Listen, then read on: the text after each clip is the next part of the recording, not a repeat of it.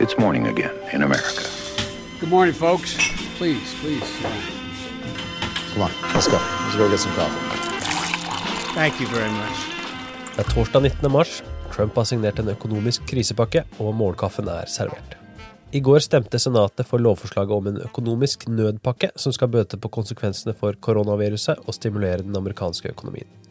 Families First Coronavirus Response Act ble vedtatt med 90 stemmer for og 8 imot.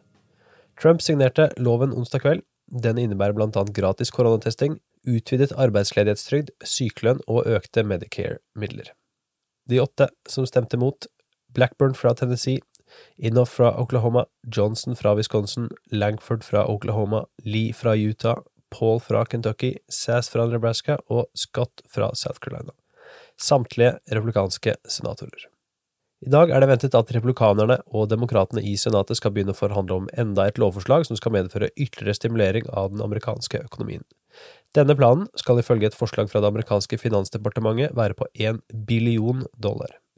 Dette lovforslaget er kalt fase tre og innebærer blant annet økonomisk hjelp til flyselskap og andre utsatte sektorer, lån til småbedrifter og individuelle direkteutbetalinger til deler av befolkningen som nå er i økonomiske vanskeligheter. Det sistnevnte snakket vi om i går. Altså to utbetalinger på 1000 dollar, noe da Andrew Yang tidligere har snakket om og omtalt som en freedom dividend. Trumps framing av koronaviruset bør ikke overraske noen. Noen omtaler det som covid-19, andre som koronaviruset eller koronapandemien, mens president Trump har begynt å omtale det som the Chinese virus. Why do you keep calling this the Chinese virus? There are reports of dozens of incidents of bias against Chinese Americans in this country. Your own aide, Secretary Azar, says he does not use this term. He says ethnicity does not cause the virus. Why do you keep using this? A lot of people say it's China. racist. It's not racist at all. No, not at all. It comes from China. That's why. It comes from China. I and want no to be accurate.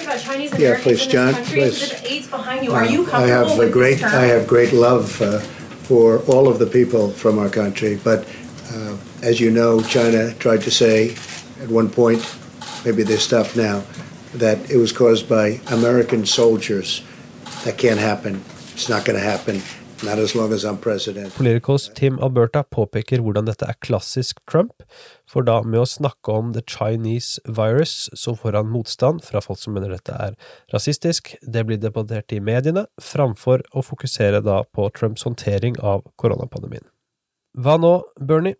Etter tirsdagens valg i Arizona, Florida og Illinois har Biden økt delegatledelsen ytterligere. Som følge av kanselleringer av valg grunnet koronapandemien er det minst tre uker til neste valgdag, hvilket gir Sanders-kampanjen tenketid, og Sanders' kampanjesjef uttalte at Sanders nå skal diskutere fremtiden av sin kampanje, men understreker likevel at Sanders foreløpig ikke suspenderer sin kampanje riktig ennå. Det ryktes likevel at all reklame fra Sanders-kampanjen på Facebook og Google er kansellert, og presset øker på at han skal trekke seg. Vi kan her høre et lite utdrag fra en liten pressgaggle i eh, Senatet i går, der vi hører at Sanders ble nokså irritert på et politisk spørsmål om presidentkampanjen, mens han da holder på å fokusere på korona. We sent out a statement. Uh-huh. What's your time frame? Are you going to stop with this? I'm dealing with a global crisis.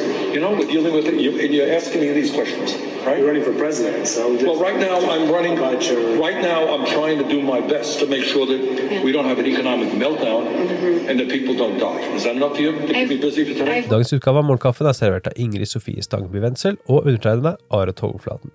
Du abonnerer ved å gå til ampol.no kaffen.